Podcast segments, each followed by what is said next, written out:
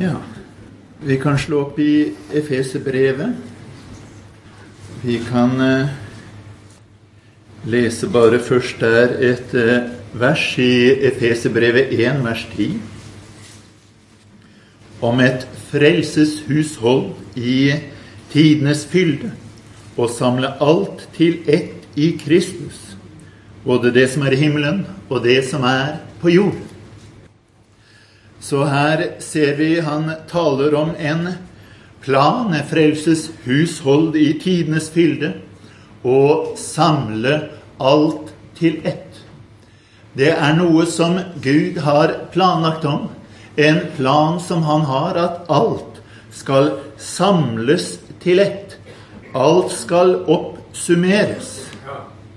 Det skal oppsummeres, det skal føres inn under det samme hodet. Ordet som er brukt der for dere som elsker gresk og ikke får noe godt ut av predikenen hvis man ikke har nevnt det, så er det altså anakefalaiosastai. Det betyr altså samle alt under ett hode. Samle alt i ett. Oppsummere alt. Og alt som oppsummeres, det oppsummeres i Kristus. Ikke i meg. Det er ikke jeg som er summen av alle ting og heller ikke du. Men det er Kristus som er summen. Og det er Guds plan. Den er sett ikke en hel masse småplaner for hver enkelt av oss sånn i vill forvirring, men det er en plan for ham, og for de som er i ham, og som oppsummeres i ham. For mange år siden så holdt Torkil en tale med tittelen 'Stilling og tilstand'. Steinar Vestli han hørte jo på den. Vet ikke om han er her i dag. Det er jo lenge siden. Det har vel vært en 473 eh, innledninger og vitnesbyrd siden den gang, sånn pluss-minus. Og jeg tror i hver eneste en så har han nevnt den talen. I hvert fall hver eneste gang jeg har hørt ham si noe. Og det er en grunn til det. Det er nemlig det at dette er noe av det aller viktigste du kan få med deg. Og har du ikke fått det med deg, så lever du et slitsomt liv. Men det er noe man må få med seg for å kunne leve det Kristuslivet som Gud har bestemt. Du vet, eh, vi liker å snakke om at uh, vi vil at Jesus skal bo i oss. Du kan se vi skal stort sett holde oss til Fesebrevet i dag, så det er ikke så langt å bla frem og tilbake. Men hvis du går til det tredje kapittel, og fra vers 16 til vers 19, så står det der Jeg ber om at Han etter sin herlighets rikdom ved sin ånd må gi dere å styrkes med kraft i det indre mennesket, at Kristus må bo ved troen i deres hjerter, for at dere rotfestet og grunnfestet i kjærlighet, sammen med alle de hellige, kan være i stand til å fatte hva bredde og lengde og høyde og dybde her er, og at dere må kjenne Kristi kjærlighet, som overgår all kunnskap, så dere kan bli fylt til hele Guds fylde. Og vi leste her om kraft i det indre mennesket at Kristus må bo ved troen i deres hjerter. At eh, vi må bli fylt til hele Guds fylde. Og i kapittel 5 vers 18 sier han drikk dere ikke drukna vin, for det fører bare til utskeielser, men bli fylt av Ånden. Så her står det om å bli fylt, at han skal komme inn i oss. Og det er noe som stort sett enhver kan si. At jeg vil at han skal fylle meg. Så står det også et par andre vers i kapittel 1, vers 23 om menigheten, som er hans legeme, fylt av ham som fyller alt i alle. Og i kapittel 4, vers 6, hvor han sier en Gud alles far, han som er over alle og gjennom alle og i alle. Det er en fylde for oss som enkeltpersoner, og det er en fylde for oss som menighet. Men det er faktisk det det tales minst om. at Han er i oss. Det det tales absolutt mest om i Efeserbrevet, er at vi er i Ham. Vi liker å tale om at Han skal være i oss, Han i oss, Han i oss. Jesus, du må være i oss. Fyll meg. Men det Bibelen taler mest om, og som er det aller viktigste å få med seg, det er at jeg er i ham. Det er noe som er langt viktigere, og vi skal komme tilbake til hvorfor. Men eh, vi kan se på en del skriftsteder. Efeserbrevet 3 og vers 6.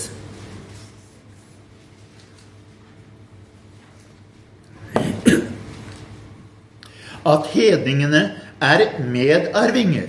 De hører med til legemet, og de har del i løftet i Kristus Jesus ved evangeliet. De har del i løftet i Kristus Jesus. Så hvor er det løftet Gud gav? Det er i Kristus Jesus. Løftet er i ham. Det er ikke et personlig løfte til meg, det er et løfte til ham. Løftet gjelder først og fremst Kristus. Og det gjelder meg når jeg er i Kristus. Så Gud ga løftet til Kristus. Videre leser vi kapittel 1, vers 4.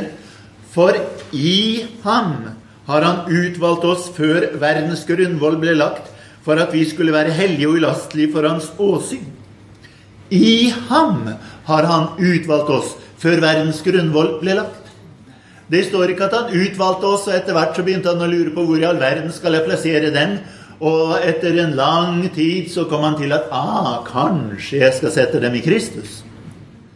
Men han sier at i ham har han utvalgt oss før verdens grunnvoll ble lagt. Det er relativt lenge siden. Selv ikke du var født da. Det, det, det er lenge siden. Men det var hva Gud gjorde før verdens grunnvoll ble lagt. Så var hans plan der. Og hans plan, den var ikke først og fremst for meg og hva jeg skal gjøre, men at jeg skal være i ham. Det er den planen han hadde. Og når vi er blitt frelst, så står det der i vers 7 i Efeserne 1 i ham har vi forløsningen ved hans blod, syndernes forlatelse etter hans nådes rikdom. Den har vi i ham. Forsoningen har vi i ham. I Efeserbrevet kapittel 2 vers 13 så sier han Men nå i Kristus Jesus er dere som før var langt borte, kommet nær til ved Kristi blod. Vi er kommet nær til ved Kristi blod, men dette sier han er i Kristus Jesus. Det er regnet inn der at vi er kommet nær til ved Kristi blod. Du, vet, du husker Jesus sa i Johannes 12 at eh, når jeg blir opphøyet fra jorden, skal jeg dra alle til meg. Det brukes liksom som et skriftsted om eh, lovsang, men det er jo ikke det det dreier seg om. Han sier i neste vers at det sier han, sa han for å gi til kjenne hva slags død han skulle dø. Opphøyd fra jorden på korset. Det var det det dreide seg om. å si at når det skjer, da skal jeg dra alle til meg. For hans død, det var ikke bare en død for oss, men det var en død hvor vi døde med ham. Og det er det han taler om her. I Kristus Jesus er dere som før var langt borte, kommet nær til ved Kristi blod. Fordi at da hans blod ble utgitt, så var vi regnet i ham. Og vi ble dratt nær til. Uansett hvor langt borte vi var. Vi sitter her langt oppe i Norge. Det er langt borte, det fra Jerusalem.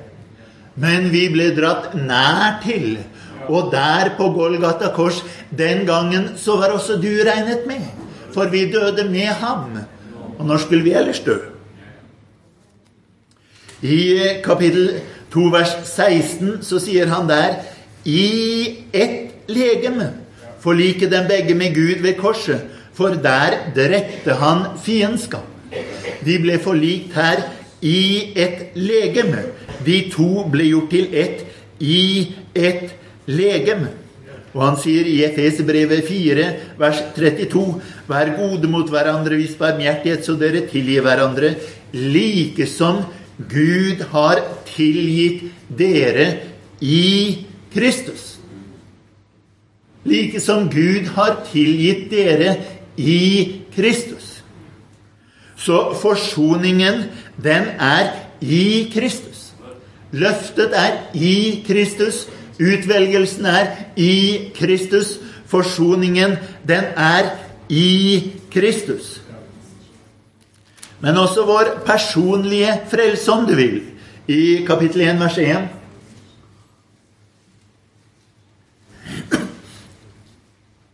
Paulus ved Guds vilje, Jesu Kristi apostel, til de hellige i Efesus som tror på Kristus Jesus. Det er ikke lett å være tolk. Bare spør Miriam etterpå. Men eh, de som eh, tolker Ofte så skjeller man ut de som oversetter Bibelen, men prøv å gjøre det bedre sjøl. Hvis du tror du kan det, så kan du jo begynne med å tolke Daniel neste gang han kommer hit og skal tale. Så skal du få se. Men han sier her til de hellige i Efesus som tror på Kristus Jesus. Men det det ordrett står, er til de hellige i Efesus, troende i Kristus Jesus. De var hellige i Efesus, men de var troende i Kristus. Deres tilstand som troende var i Kristus. På samme måte som de bodde i Efesus når de utførte sitt daglige liv, så bodde de i Jesus, i troen. De var troende i Kristus Jesus. Derfor sier han også i vers 13.: I ham har også dere, da dere fikk høre sannhetens ord, evangeliet om deres frelse, ja, i ham har også dere, da dere kom til troen, fått til innseil Den hellige ånd, som var lovt. I ham har dere da vi hørte sannhetens ord, da vi kom til troen, denne frelsen vi opplevde, beseielsen ved Hans ånd, den opplevde vi i ham. Det er i ham denne er. Og da ser du også i kapittel 2, vers 10, for vi er Hans verk, skapt i Kristus Jesus til gode gjerninger som Gud forut har lagt ferdige for at vi skulle vandre i det. Så når vi er skapt, så er vi ikke skapt, om du vil, som individuelle verk her og der, men vi er skapt i Kristus Jesus. Det er det stedet hvor Gud driver og skaper noe. Så hvis du tenker at ja, han kan vel skape noe her, eller han kan skape noe der Nei, han skaper noe på ett sted. Det er i Kristus Jesus. Det er der han skaper noe. Og i vers 12 så Unnskyld. Kapittel 1 og vers 12 så sier han for at vi skulle være til pris for Hans herlighet, vi som forut hadde håpet på Kristus. Eller satt vårt håp i Kristus, som det ordrett står. Så utvelgelsen er i Kristus, forsoningen i Kristus. Vår frelse er i Kristus. Og Gud viser sin frelse, sin herlighet. Den viser han i ham. Han sier i kapittel 1, vers 6.: Til pris for sin nådes herlighet, som han gav oss i den elskede. Hvor fikk vi herligheten? Den fikk vi i den elskede.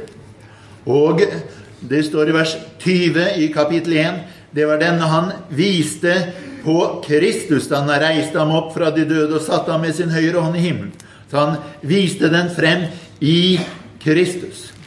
Og i kapittel 3 og vers 11 sier han dette var hans forsett fra evige tider, som han fullførte i Kristus Jesus, vår Herre. Han fullførte det i Kristus Jesus. Men åssen skal det gå med meg da, hvis han var ferdig med det han gjorde i Kristus? Da ligger jo jeg tynt an hvis jeg forventer noe sånn spesielt for meg. Men det er i Kristus Jesus for alle de som er regnet i Kristus. Det er slik det er. Så Guds løfte om frelse, hans utvelgelse av forsoning og hans fremviselse av frelsen, det er alt i Kristus. Men også vårt kristenliv, det leves i Kristus. Vi kan se kapittel 1, vers 3, så sier han Lovet være Gud, vår Herre Jesu Kristi Far, Han som har velsignet oss med all åndelig velsignelse i himmelen, i Kristus. Det er der velsignelsen er. I Kristus. Vers 11.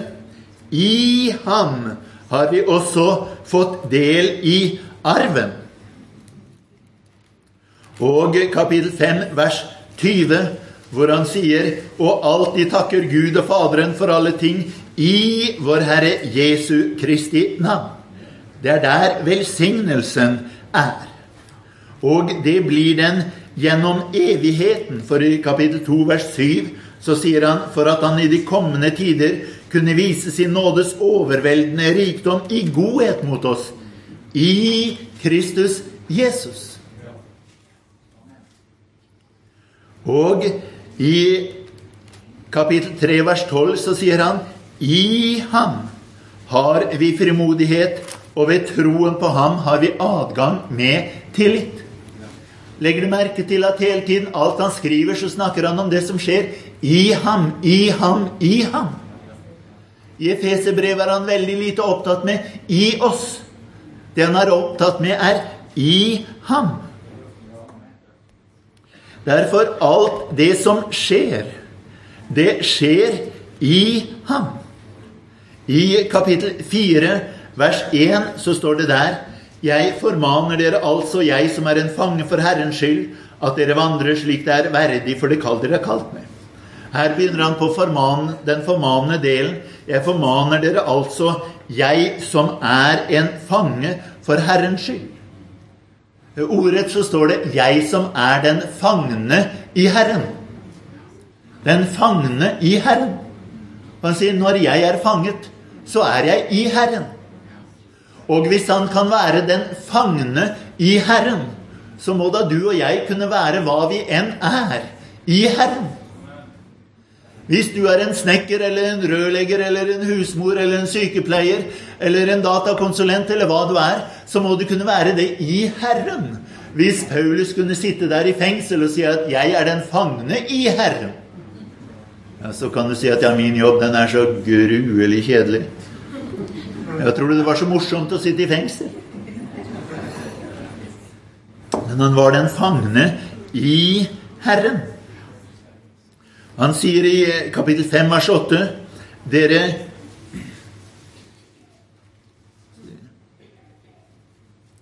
Dere selv var jo en gang mørke, men nå er dere lys i Herren. Kapittel 6 og vers 1. Dere barn, vær lydige mot deres foreldre i Herren. Vers 10. For øvrig bli sterke i Herren og i Hans veldige kraft. Så vi er frelst i Ham. Vi lever vårt kristenliv i Ham.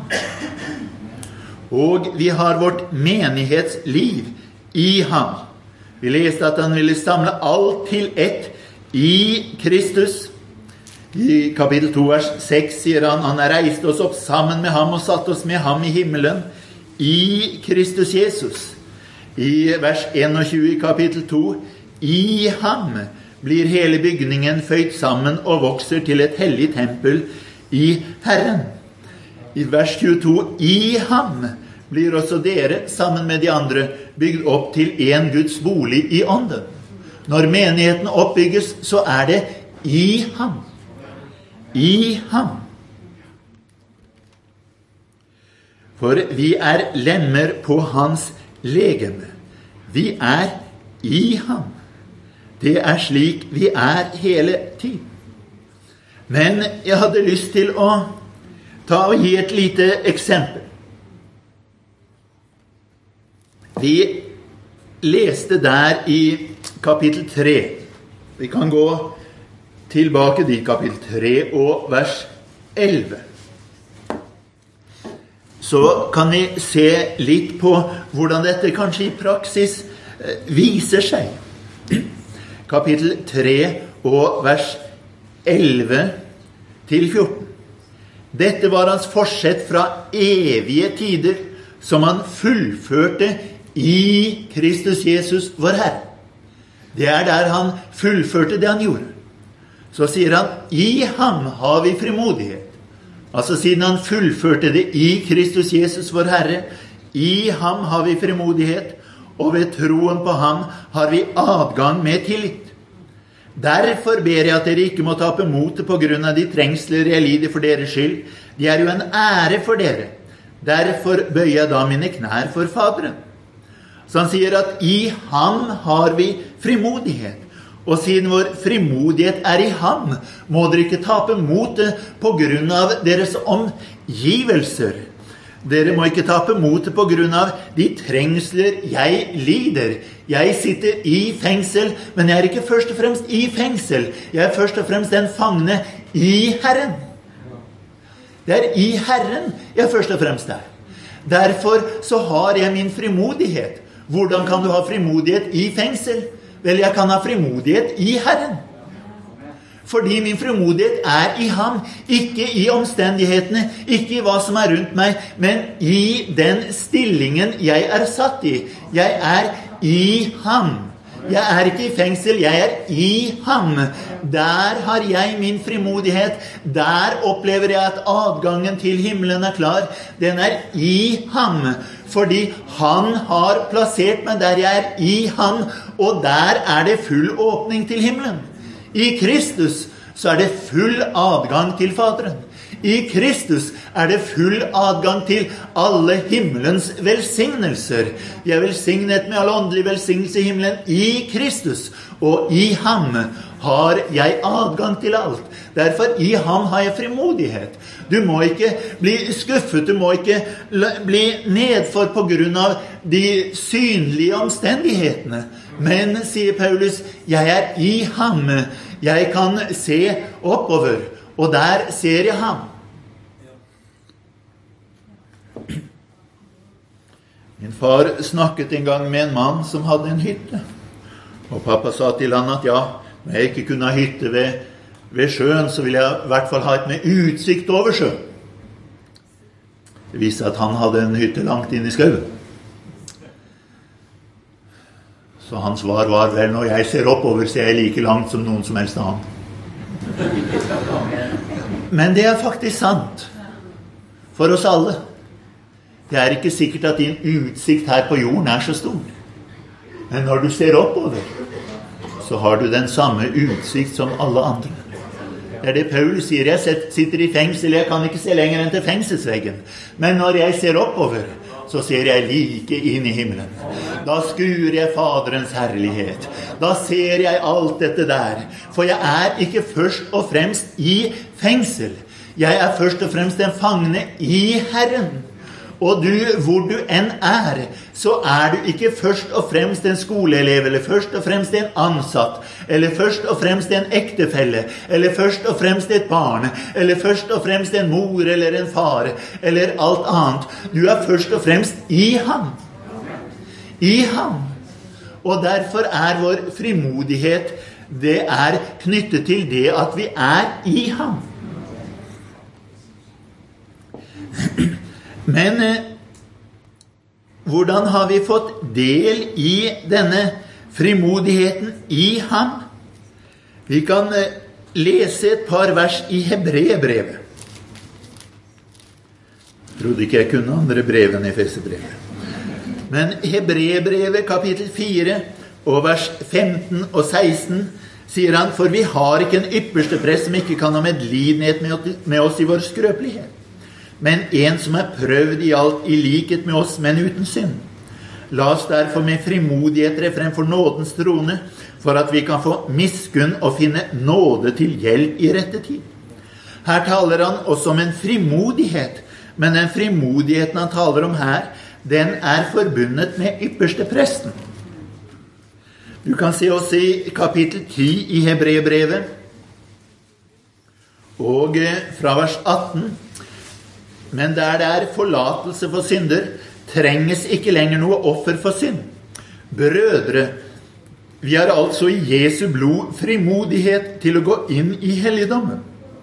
Til den har han innviet for oss en ny og levende vei gjennom forhenget, det er hans kjød, og vi har en stor prest over Guds hus.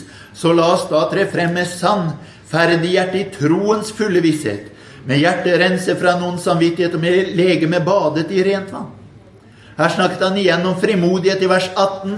Vi har altså i Jesu blod frimodighet til å gå inn i helligdom. Er det en annen type frimodighet, eller hvordan henger dette sammen? Vi skal se på et brev til. Først Johannes brev.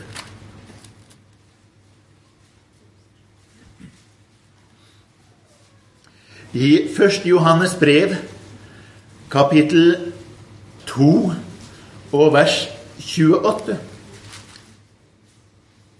Og nå, barn, bli i ham, for at vi kan ha frimodighet når han blir åpenbart, og ikke bli til skamme for ham når han kommer. Og i 1. Johannes brev, kapittel 3, og fra vers 20 om vårt hjerte fordømmer oss, så er Gud større enn vårt hjerte og kjenner alle ting. Mine kjære, dersom vårt hjerte ikke fordømmer oss, da har vi frimodighet for Gud. Og hva vi enn ber om, det får vi av ham. Her ser vi altså tre forskjellige beskrivelser av frimodighet. Det ene er i ham har vi frimodighet. Det andre er at i Jesu blod har vi frimodighet. Og det tredje er at Dersom vårt hjerte ikke fordømmer oss, da har vi frimodighet, fordi vi holder fast ved Hans bud og gjør det som er til behag for ham. Så hva er disse tre beskrivelsene av frimodighet?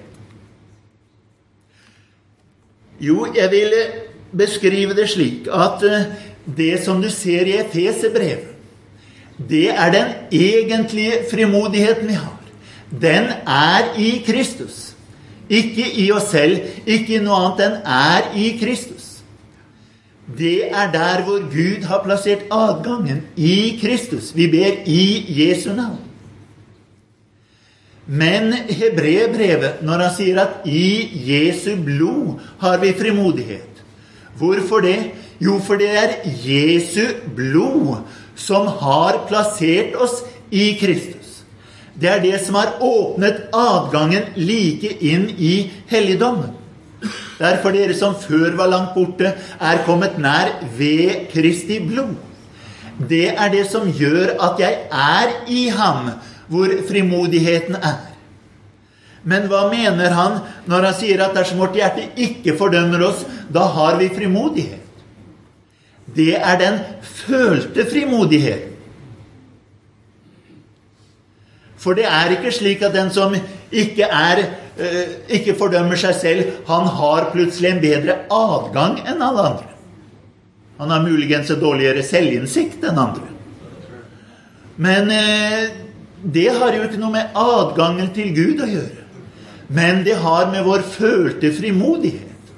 Hvis du vet at du har snakket stygt til noen, hvis du vet at du har gjort noe galt, hvis du vet at ikke alt er i orden, hva skjer med din frimodighet? Den forsvinner. Du vet veldig godt at du kan ikke gå til Gud og si at Gud, jeg har vært riktig snill i dag, så nå er det med stor frimodighet at jeg ber til deg. Så hvis du kjenner evangeliet, så vet du at den der, den duger ikke. Gud, i dag så gjorde jeg noe ekstra godt. Jeg ga penger i kollekten, jeg ga litt til Røde Kors, og jeg er til og med oppgitt det jeg tjente ved å male huset til naboen på skatten. Så Gud, i dag må du svare min bønn. Vi vet at den ikke går. Det er av nåde vi får adgang. Men på samme måte så vet vi at min følte frimodighet, den forsvinner hvis jeg ser at det er noe i veien med mitt liv. Og derfor så er det veldig viktig for oss å vite forskjellen mellom disse. Det er en følt frimodighet som jeg kan ha eller ikke ha. Men så er det en frimodighet i ham som er resultatet av at jeg er plassert der. Og som ikke har noe med meg å gjøre, men som har noe med ham å gjøre. I ham har jeg frimodighet. Jeg ber i ham. Jeg har søkt min tilflukt i ham. Jeg er utvalgt i ham. Jeg har fått frelsen i ham. Jeg hører hjemme i ham. Og uansett hva jeg holder på med, så er jeg i ham. Jeg er den fangne i ham. Jeg er arbeideren i ham. Jeg er den syke i ham. Jeg er den strevende i ham. Jeg er den deprimerte i ham. Uansett så er jeg i ham hvordan jeg enn måtte føle meg. Og derfor så må jeg vite hva er forskjellen på min egentlige frimodighet og min følte frimodighet. Og hvis jeg vet at jeg er kommet til Jesus Kristus, blitt renset i hans blod, så vet jeg at det har plassert meg i ham. I Jesus Kristus. Der har jeg adgangen. Men hva så dersom jeg føler at det er noe galt i mitt liv? Det er der han sier at dersom vi sier at vi ikke har syndet, da bedrar vi oss selv, og sannheten er ikke i oss. Men dersom vi bekjenner våre synder, er han trofast og rettferdig, så Han forlater oss syndene og renser oss fra all urettferdighet.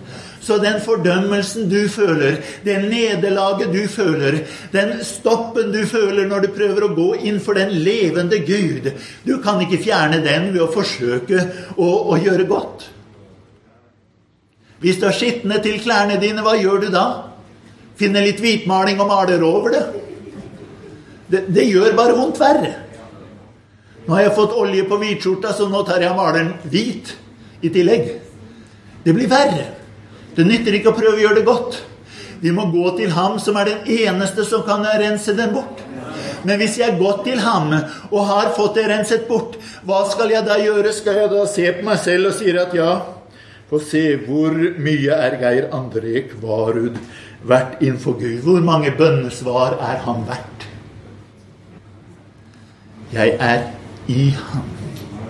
Min fremodighet er i ham. Min utvelgelse er i ham. Min frelse, det er i ham. Alt er i ham. Så derfor, når jeg er der i ham, så kan jeg prise ham. Så kan jeg juble innenfor hans åsyn.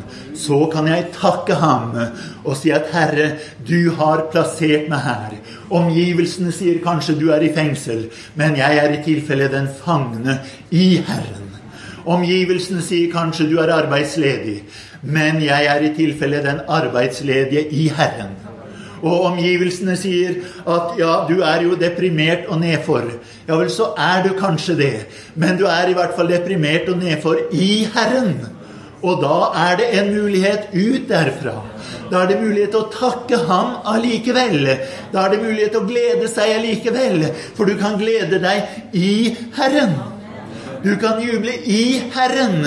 Du kan åpne den boken her og vite at dette tilhører meg i Herren. Du kan vite at dette kan jeg takke for i Herren. Og så kan du si til ham at jeg ikke har vært noe av det som står her. Ikke et eneste av de løftene. De passer egentlig på meg, men de passer på Jesus. Og jeg er i ham. Og i ham kan jeg ta det til meg. I ham kan jeg nyte godt av det. I ham kan jeg få oppleve det. Så vær klar over forskjellen mellom hva du føler. Du føler at ditt hjerte fordømmer deg. Du føler at du er ikke verdig dette her. Du føler at det er noe som er i veien, og hvis du føler det, så er det som regel sant. Men dette kan du bringe frem for ham og få det renset bort. For det er ikke det som er selve grunnlaget for din frimodighet.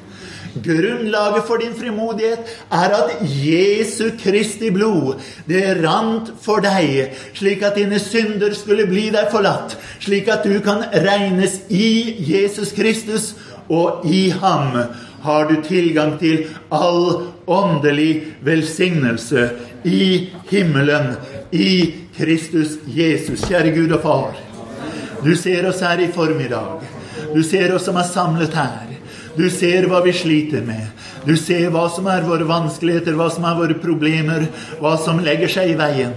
Jeg ber deg, Herre, for hver eneste en som er her, at du må røre ved oss, at du må ta tak i oss, og at du må la oss være klar til å glede og fryde oss i deg, fordi du har plassert oss i deg. Skal vi reise oss opp og prise Herren? Og så kan du takke Herren for hva du er i ham. Og hvis du føler at det er noe som hindrer deg fra å være der i ham, så vit at Jesu Guds sønns blod renser fra all synd, også din synd. Og du kan bringe den fram for ham nå og si at 'Herre, du ser det. Jeg ber deg at du fjerner det.' Og du kan få kjenne at din frimodighet er ikke i deg selv, det er i ham. Pris ham, lov ham.